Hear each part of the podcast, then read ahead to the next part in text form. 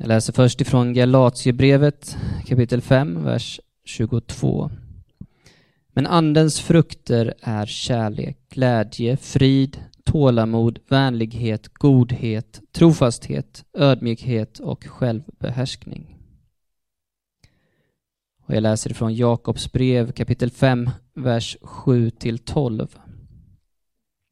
Bröder, var tåliga tills Herren kommer. Jordbrukaren ser fram emot att jorden ska ge sin dyrbara skörd och väntar tåligt på att höstregn och vårregn. Ha tålamod ni också och visa fasthet, till Herrens ankomst är nära. Klaga inte på varandra, bröder, så blir ni inte dömda. Domaren står utanför dörren. Ta profeterna som talat i Herrens namn till ert föredöme i att lida och visa tålamod. Ja, vi prisar de saliga som håller ut. Ni har hört om Jobs uthållighet och ni har sett hur Herren lät det sluta. Ty Herren är rik på medlidande och barmhärtighet. Framför allt, mina bröder, svär ingen ed, varken vid himlen eller vid jorden eller vid något annat. Ert ja ska vara ett ja och ert nej ett nej, annars drabbas ni av Guds dom. Detta är Guds ord till oss idag. Varsågoda att sitta och välkommen Linda. Tack så mycket. Jag älskar att se sammanhang och jag är eh, egentligen en väldigt detaljmänniska, så jag tycker om att se det här mikroskopiskt lilla, se skönheten i det. Och eh, när jag ser de här detalj, detaljerna så gör det ofta att man förstår mycket mer. Men för att se sammanhang behöver man ju ofta zooma ut också, eller hur? För att få den här, få perspektivet. Eh, och jag älskar att se hur saker och ting hänger ihop. Och nu, det var ju ett tag sedan eh, när vi hade en, vi hade en fasta, den stora fastan inför påsken och sen kom vi in i påsken och sen gick det 40 dagar. Eh, och sen var vi framme i Kristi himmelfärds eh, förra veckan och eh, det firade man ju världen över. Och den här Kristi himmelfärd är ju så att vi äter inga pås, vi äter inga ägg, inte ens sill, som man gör vid alla svenska stora högtider. Vi firar, firar inte genom att skicka kort, vi ger inte varandra gåvor. Det är inte så här, det är inte så jättemycket som händer. Eller gör ni något speciellt på Kristi himmelfärd?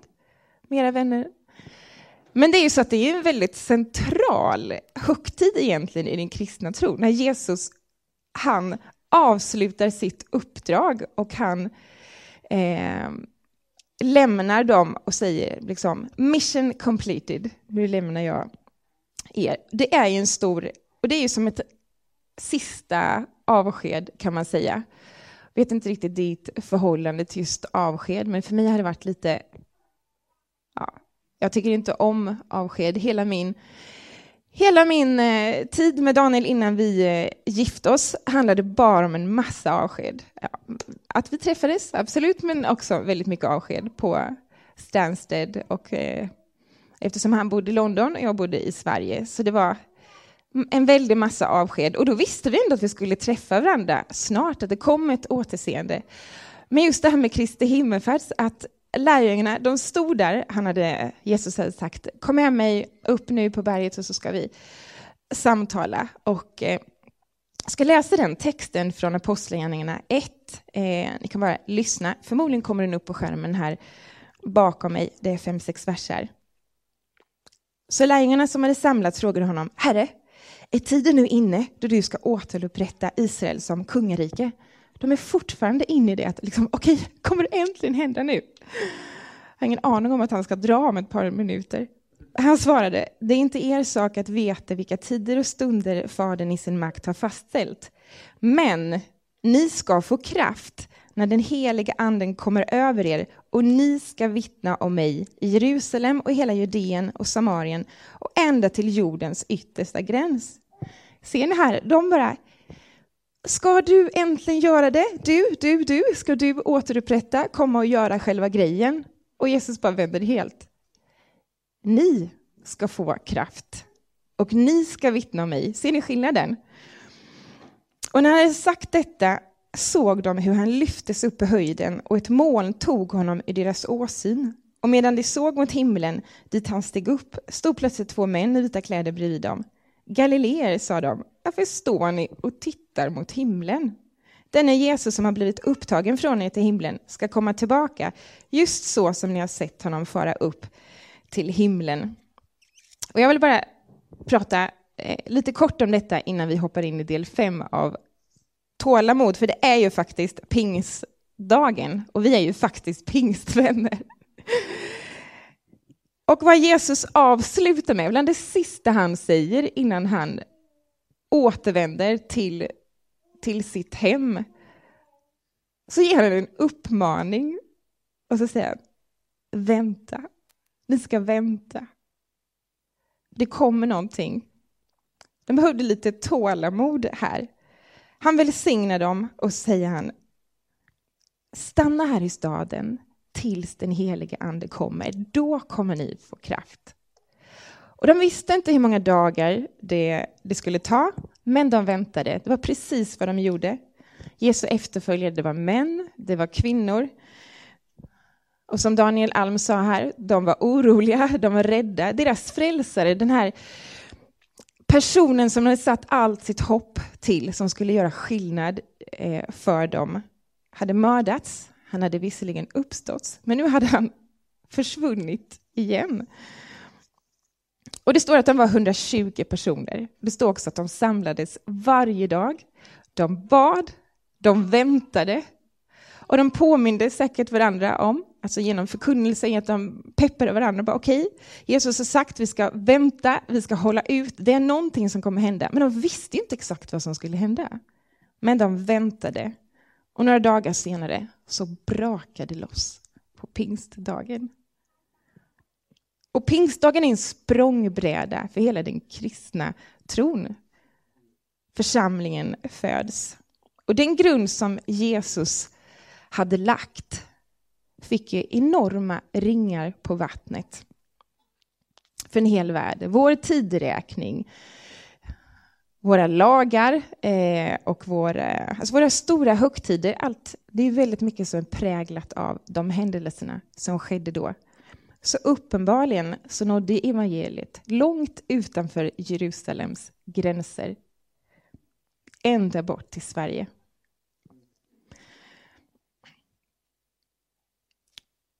Har ni tänkt på att riktigt bra saker kommer sällan direkt?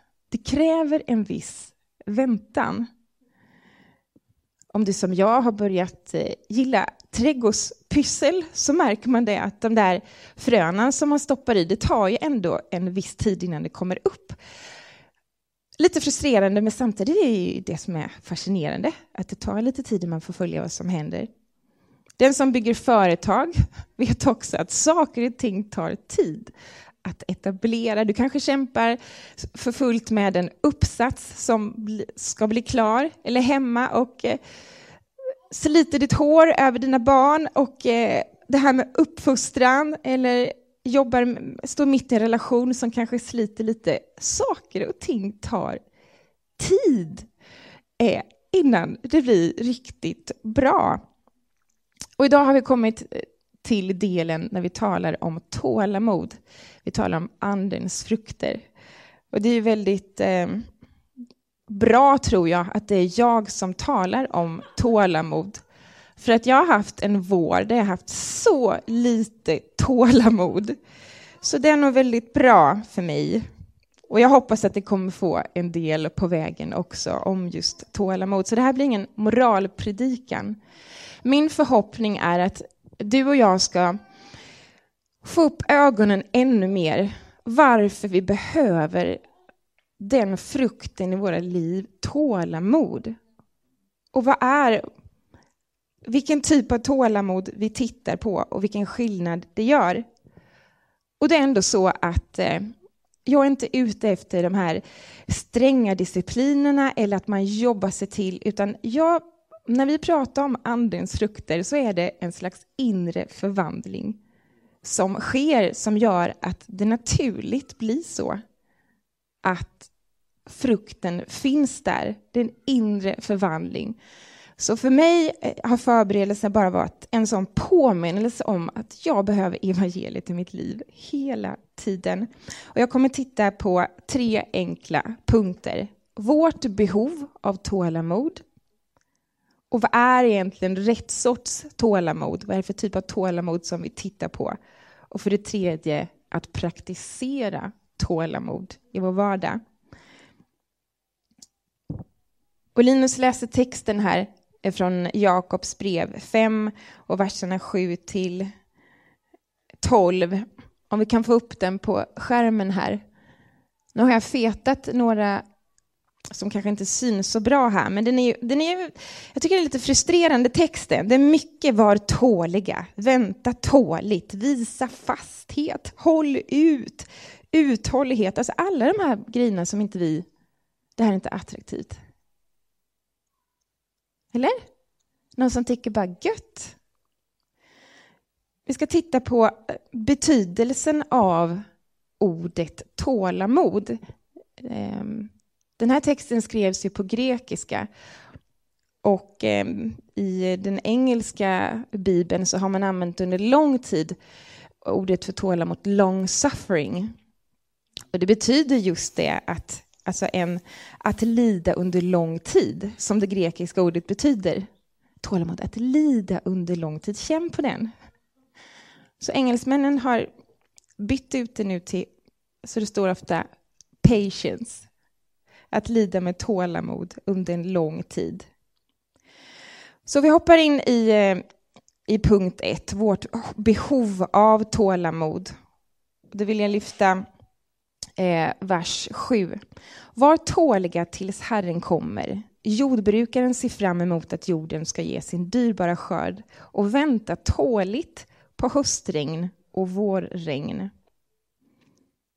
Igår var jag på fest och halkade in på ett sånt hett ämne som ätliga ogräs. Jag förstår att det är flera av männen här som blev väldigt upphetsade på, på en gång. Vi pratade om, man kan, vet ni om att man kan steka maskrosor? Om man panerar dem innan, de blir som kronärtskockor. Sånt pratade vi om under några minuter och vi hade lagt bort telefonerna.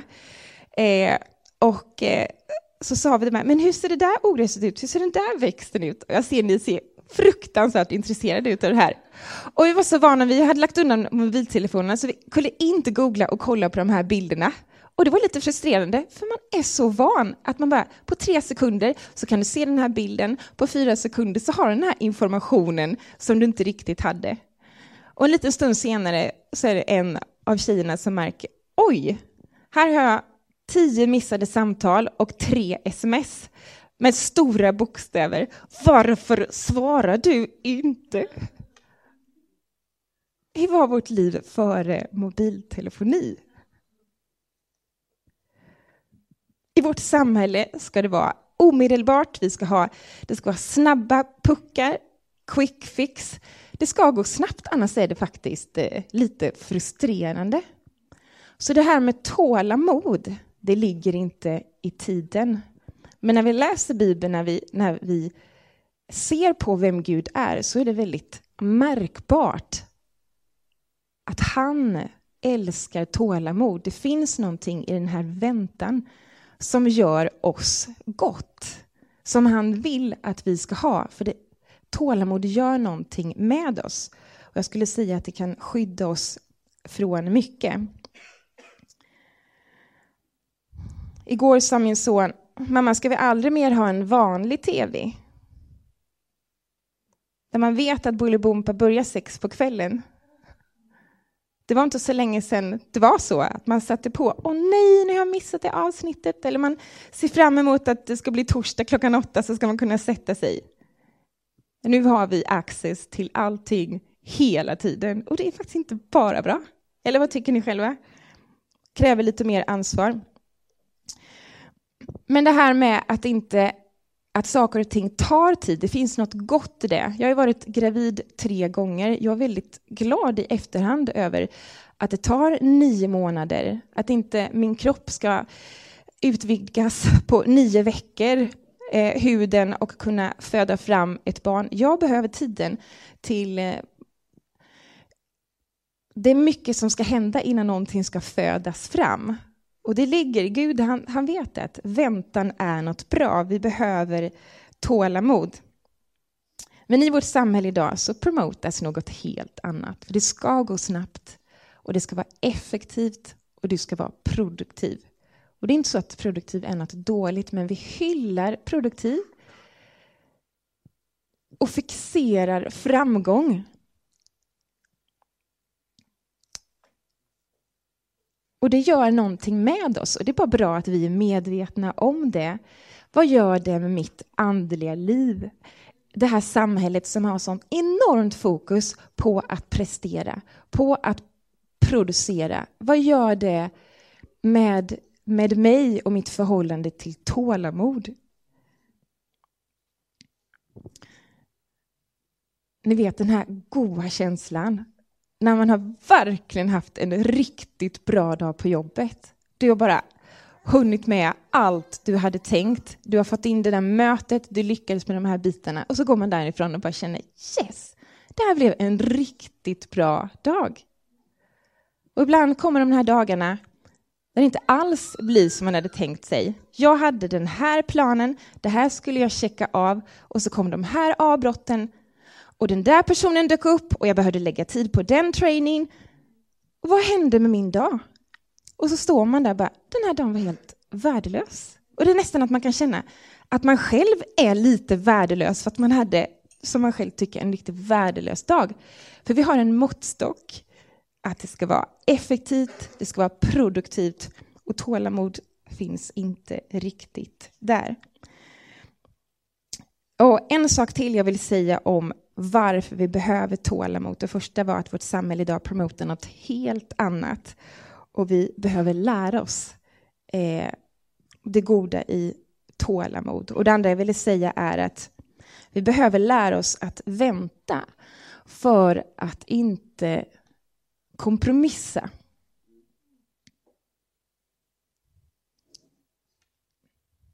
Joyce Meyer har sagt så här, tålamod är inte förmågan att vänta, utan att vänta med en god attityd. Jag älskar ju det här begreppet, händer inte något, händ själv. Och det är klart, är man på en riktigt, eh, om man har en riktigt tråkig dag, man känner man vill bara komma igång lite, det är klart, det är inget dåligt i det. Men det kan gå, eh, det är inte alltid man ska använda det här hända själv, utan ibland ska man faktiskt vänta och se till att det är Guds timing på saker och ting. Ni som är bekanta och har läst en del i Gamla testamentet är säkert bekanta med den här storyn när Gud tar Israels folk genom Egypten och vid ett tillfälle så säger han till Mose som leder hela folket, kom upp till mig så vi ska ha, vi ska ha tid tillsammans. Och så är Mose där under x antal dagar och folket de blir så rastlösa. De har ingen aning om vad som ska hända. Och vad gör de? De ser till att de händer själva. De vill inte vänta, de har inte tålamod. De bara, vi måste fixa någonting nu. Mose är borta, vi har ingen aning om vad som ska hända. Det finns så många sådana exempel. Abraham och Sara är ett annat exempel. De har fått ett löfte om att något stort skulle hända genom det barnet som de skulle föda. Och så kommer inget barn. De börjar bli riktigt gamla. Och det slutar med att Sara säger att eh, ja, men den här tjejen är personalen. Ligg med henne. Vi måste ju ha ett barn. Gud har ju sagt att vi ska ha ett barn. Och så händer de själva. Och det blev inte heller riktigt bra. Men jag ser tålamod som ett slags skydd ifrån att göra fel val. För att vi är så vana vid att det här samhället, att saker och ting ska gå snabbt. Man ska kunna se resultat väldigt fort. Och när det inte händer så vill vi ofta hända själv. Och det kan vara vad som helst, på jobbet, i relationer eller saker och ting. Man bara vill, det måste ju hända nu. Och där tror jag att tålamodet är viktigt, att vänta in rätt tid på saker och ting. Okej, okay, det här är en säsong nu. Jag vill gärna att det här ska hända, men det kanske inte kommer hända nu. Jag tror att tålamod är ett slags skydd från att fatta felaktiga val.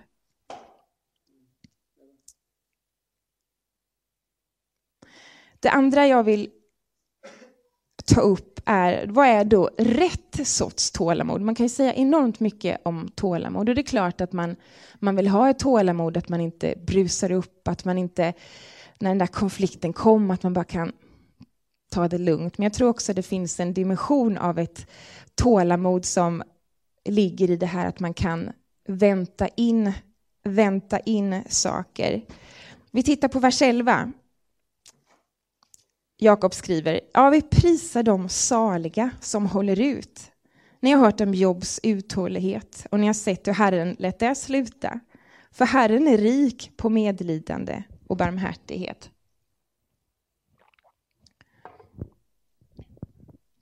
Har du märkt att det är mycket som kan verka gå fel innan det blir riktigt bra?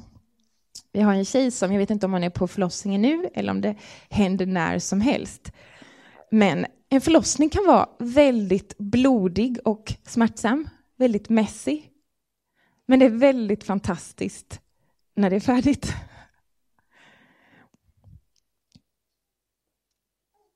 Och jag skulle säga att en människa med rätt sorts tålamod backar inte ut ur tunneln när det blir riktigt smalt och riktigt mörkt, utan fortsätter framåt.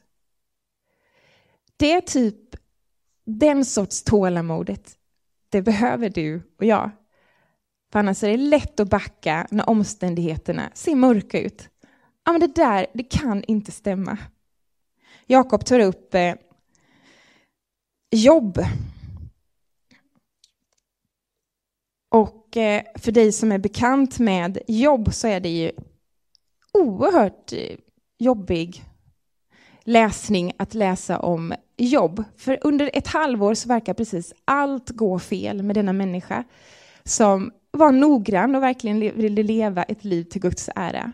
Han förlorade sin familj, han förlorade det han ägde. Det var bara, saker och ting bara försvann och det var ett fruktansvärt läge. Och varenda en omkring honom trodde att ja, men jobb, du måste vara helt fel ute. Det är inte möjligt att omständigheterna kan bli så dåliga och att du ändå har, liksom, är på rätt väg. Och ibland är det så att vi läser in det, men hur kan det här hända mig? Vad har jag gjort för fel? Men en människa med rätt sorts tålamod väljer att inte backa ur tunneln när det börjar bli mörkt, utan fortsätter framåt.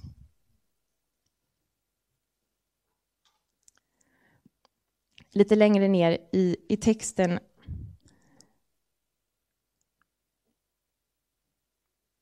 vi kan hoppa över det.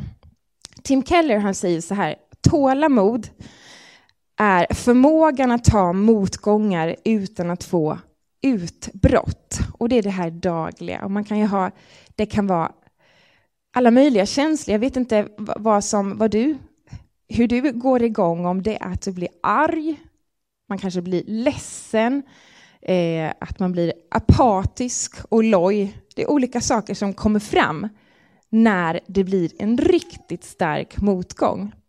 Men i de lägena så är det klart att vi vill ha tålamod, men även i det stora, när det handlar om en, eh, en väntan och man kanske befinner sig i en tunnel. Och det andra jag vill ha sagt på det här om rätt sorts tålamod, det är att en människa med rätt sorts tålamod är fokuserad och centrerad på andra människor än sig själv. Vad menar jag med det? Jag kan ställa en fråga, se om den kan komma upp här på skärmen. Vad utgör för dig en väl levd dag? Vad är det som avgör att din dag, att du känner så här på kvällen, det här blev en riktigt bra dag?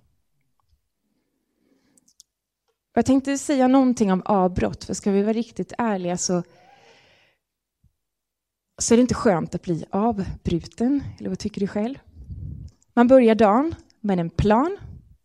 en checklista. Eller man har någon slags, det här vill jag ha gjort.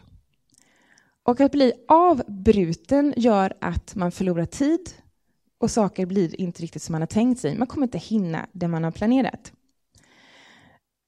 Jesus beskrivning av en god dag. Ja, vi kan kika lite, för om man bara öppnar evangelierna och ser hur Jesus levde så är det ju uppenbart, han, han drev inte bara runt helt planlöst och bara se vad som händer nu. Det är klart, han hade ett starkt syfte, han hade en, en väldigt tydlig plan med sitt liv. Men det är uppenbart att från att han tog sig till punkt, från A till punkt B var det väldigt många saker som hände. Många av de här mest fascinerande historierna som man kan läsa om, alla under och det han gjorde, det sker faktiskt medan han är på väg någonstans. Han blir avbruten konstant. Och det intressanta är, för han var ju ledd av anden. Jesus. Det kan man inte säga annat än att han var. Han var ledd av anden. Och det intressanta är att det verkar inte vara samma sak som att följa sitt schema till punkt och pricka. Något exempel. Jesus han är på väg till ett ställe från punkt A till punkt B och plötsligt så befinner han sig mitt framför ett begravningståg. Och han ser en pojke som ligger på britsen som de bär och han ser mamman, det här scenariot som utspelar sig. Och vad gör han? Han stannar. Han ser, han läser in scenariet och ser, okej, okay, där är en mamma, inga andra familjemedlemmar. Pojken har dött, hennes enda livförsäkring på den tiden och också hennes enda familj. Han går fram till pojken och ger honom liv, väcker honom upp från de döda. Och var du än tittar i evangelierna, du behöver inte ens bläddra blad en gång så ser du de här händelserna som bara händer. De är inte inplanerade, utan det är de här avbrotten som hela tiden sker. Jesus vill bli avbruten av människor och det är mitt där som det där stora händer. Ett annat exempel. Han skulle dra sig undan, han var trött. Lärjungarna följde med. Så de hade inte planerat att vara borta jättelänge, de hade inte ens mat med sig. Och så märker de att allt folk, står det. Allt folk följde med. Så Jesus, vad ser han? Han ser andra. Han tänker, okej, okay, jag vilar lite senare. Och så står han och undervisar, han står och koncentrerar sig och ger av sitt till de här människorna. Och till slut är alla jättetrötta, det finns ingen mat. Och vad händer då? Då ber de och det sker det här kända brödundret. Där varenda människa som var där, förmodligen flera tusen, som får mat och det blir massor av mat över. Jesus beskrivning av the perfect day kanske inte alltid är så som vi tänker. Vad utgör för dig en väl levd dag? Jag skickar med den.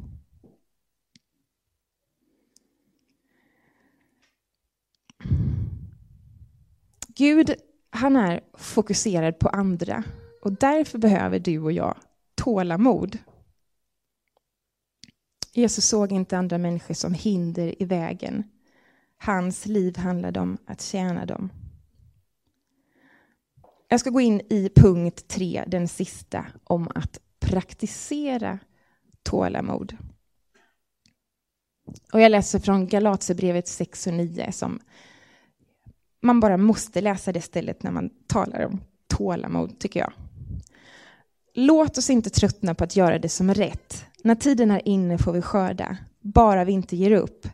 Så länge det finns tid ska vi därför göra gott mot alla människor, framförallt mot våra trosfränder. Och jag vill läsa en story om en taxichaufför som han har skrivit ner. Han bodde i New York då, när han jobbade. Han fick en körning. Det var den sista för dagen. Och han stod där ute vid gatan och väntade och det hände ingenting. Det gick några minuter så tänkte han, ah, sista körningen, jag vill verkligen hem nu. Och så tänkte han, ah, jag går ut. Och så gick han ut till den lilla dörren, knackade på. Och så hörde han en äldre, lite bräcklig röst. Kommer strax. Och när dörren öppnades så stod där en äldre kvinna i eh, 90-årsåldern. Hon hade tagit på sig en fin klänning, hon hade hatt med ett litet flor. Och bredvid henne så stod en liten packad resväska av nylon. Och det var helt tomt i lägenheten och på alla möblerna så var det lakan som var överlagt. Hon var på väg någonstans. Vill du bära min väska ut till bilen, sa hon. Jag tog resväskan till bilen och återvände sen för att hjälpa henne. Hon tog min arm och vi gick långsamt mot trottoarkanten. Hon tackade mig för min vänlighet. Det är lugnt, sa jag till henne. Jag försöker bara behandla mina passagerare som jag vill att min mor ska bli behandlad. Åh, du är en bra man, sa hon. Så gav hon mig en adress och frågade sen, kan du köra mig genom stan? Ja, det, inte den kortaste vägen, svarade jag snabbt. Och det har jag inget emot, sa hon. Jag har ingen brådska. Jag ska flytta in dag, idag till ett hospice. Jag tittade i backspegeln och såg att hennes ögon hade blivit blanka. Jag har inte någon familj kvar, sa hon, och eh, doktorn säger att jag inte har så lång tid kvar. Jag stängde av mätaren. Vilken väg vill du att vi tar? Under de kommande två timmarna körde vi genom staden. Hon visade mig den byggnad där hon en gång hade arbetat som en hissoperatör. Vi körde genom området där hon och hennes man hade bott när de var nygifta. Hon visade mig ett gammalt möbellager som en gång hade varit en balsal där hon hade fått dansa som ung. Ibland bad hon mig att sakta ner framför en viss byggnad eller ett hörn och där satt hon och tittade tyst. När solen började gå ner så sa hon plötsligt jag är trött, det är dags att åka nu. Och vi körde tystnad till en adress som hon hade gett mig. Det var en låg byggnad, som ett litet konvalescent hem och två sjukvårdare dök snabbt upp vid taxin så fort vi saktade in. De hade väntat på henne. Jag öppnade bagagetrummet och lyfte varsamt ut hennes lilla väska och kvinnan placerade dem i en rullstol. Hur mycket jag skyldig dig? frågade hon och tog fram sin lilla portmonnä. Ingenting, sa jag. Men du måste ju också överleva, sa hon. Det kommer fler passagerare, svarade jag. Och nästan utan att, tänkte, utan att tänka så böjde jag mig ner och omfamnade den lilla damen i sitt flor och finklänning. Hon höll om mig hårt. Du gav en gammal kvinna ett vackert avslut med glädje, sa hon. Tack. Jag tryckte hennes hand och återvände till taxin. Bakom mig hörde jag dörren stängas. Ljudet av ett liv som stängdes ner. Jag tog inte fler passagerare det skiftet. Jag körde planlöst runt. Jag kunde inte släppa tanken på vad som hade hänt med den här lilla damen om hon hade fått en arg förare eller en stressad förare otålig att avsluta sitt skift. Och det slog mig att jag troligen inte hade gjort något större och viktigare för någon annan människa än det som precis hade inträffat. Vi vill gärna tro att våra liv kretsar kring stora stunder vi planerar in. Men de stora stunderna fångar oss mitt i det oplanerade om vi bara har tid att stanna upp. Ett liv med tålamod det tålamod som kommer av en inre förvandling. När vi har blivit drabbade av Jesus och evangeliet, där det inte handlar om att ta i, nu måste du Linda kontrollera dig, du måste bli bättre på att ha tålamod. Utan den här inre förvandlingen som händer inifrån och ut, när jag blir drabbad av Jesus. Där jag längtar efter att ha tålamod. Inte för att jag ska fixa min dag bättre med mina barn, inte för att jag ska ha en mer harmonisk morgon. Det vill jag gärna ha också, believe me. Men när det handlar om ett liv där jag blir mer och mer lik Kristus, inte bara för min egen skull, utan för andra. När Jesus återvände på Kristi himmelfärdsdagen, då visste han, nu kommer det bli bättre. Nu handlar det inte bara om att det är jag som gör allt och de ser, utan han sa, ni ska få kraft. Vänta och ni kommer få kraft. Och så kommer ni gå ut och vittna. Det handlar om andra genom hela Bibeln. Och jag behöver tålamod för andras skull, för de människorna som jag möter i vardagen. För att leva ett liv där jag faktiskt har tid att bli avbruten.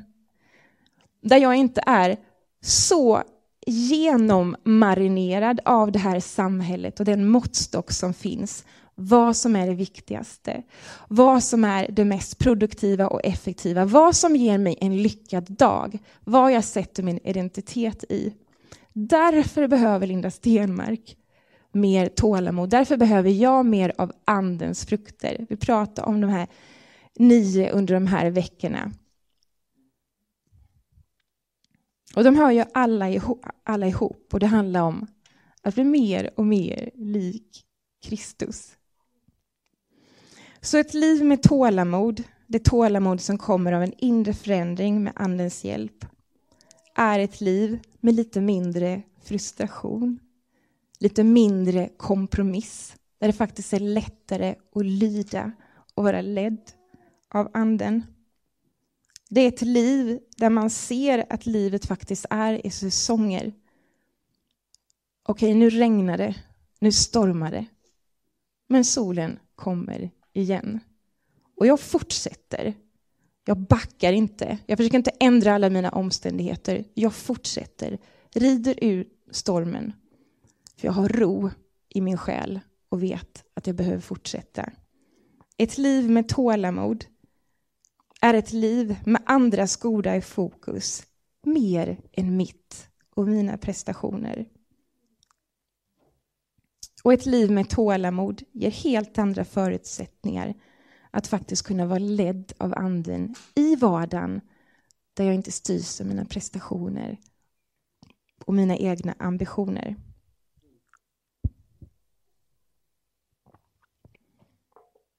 Och hur man nu ska komma dit. Det gör ju någonting att vi pratar om det. Det gör någonting med medvetenheten. Att vi längtar efter det. Och kanske vi skulle börja morgonen med en bön. Herre, avbryt mig idag med det som är viktigare än min egen planering, än mina egna prestationer. Och det är klart att vi inte bara kan pysa ut från kontoret och strunta i vårt ansvar för dagen. Det är inte det jag är inne i. Men jag ville, jag ville lyfta ändå det här med att vara driven och vara ledd. För det är ett helt annat liv när vi ger utrymme för att vara ledda i vår vardag. Vi har ansvar på jobbet, självklart, och det ska vi göra med bravur.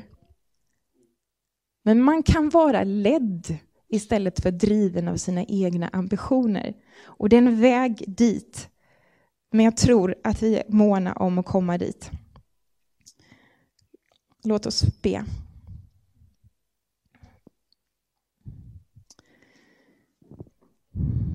Tack helige Ande att du kom till den här världen för att vara med oss. När Jesus återvände till sitt rike så kom du till oss för att ge oss kraft, för att vara närvarande och hjälpa oss i vår vardag. Tack för det verk som du älskar att göra med en människa som är villig. Tack för att du är så mån om att förändra oss, att förvandla oss på insidan och att vi får bära frukt. Här är vårt sinne skyndar redan iväg. Vi funderar på vad ska vi göra efter gudstjänsten? Vad händer då? Vad ska, vad ska jag käka någonstans? Herre, förlåt oss för att vårt tålamod till och med brister i att stilla oss en liten, liten stund. Herre, hjälp oss att stanna upp. Herre, avbryt oss. Vi lär oss från att vi är små vara effektiva, att vara produktiva. Vi vill ha tålamod nu. Men Herre, det här är en resa och jag ber att du gör ditt verk i oss. Att du lär oss att vänta, att du lär oss att förstå säsonger. Att du lär oss att veta vad vi ska sätta vår blick på. Lär oss detta i vår vandring som dina efterföljare. Lär oss det i, vår, i vårt byggande av din församling här i Stockholm, Herre. Och fyll oss på nytt, likt du gjorde på pingstdagen, när du kom över, ditt, när du kom över människor med kraft. Herre, kom. Återigen, vi behöver bli fyllda på nytt varje dag. Fyll oss med din ande, Herre. Gör ditt verk i oss. I ditt namn vi ber. Amen.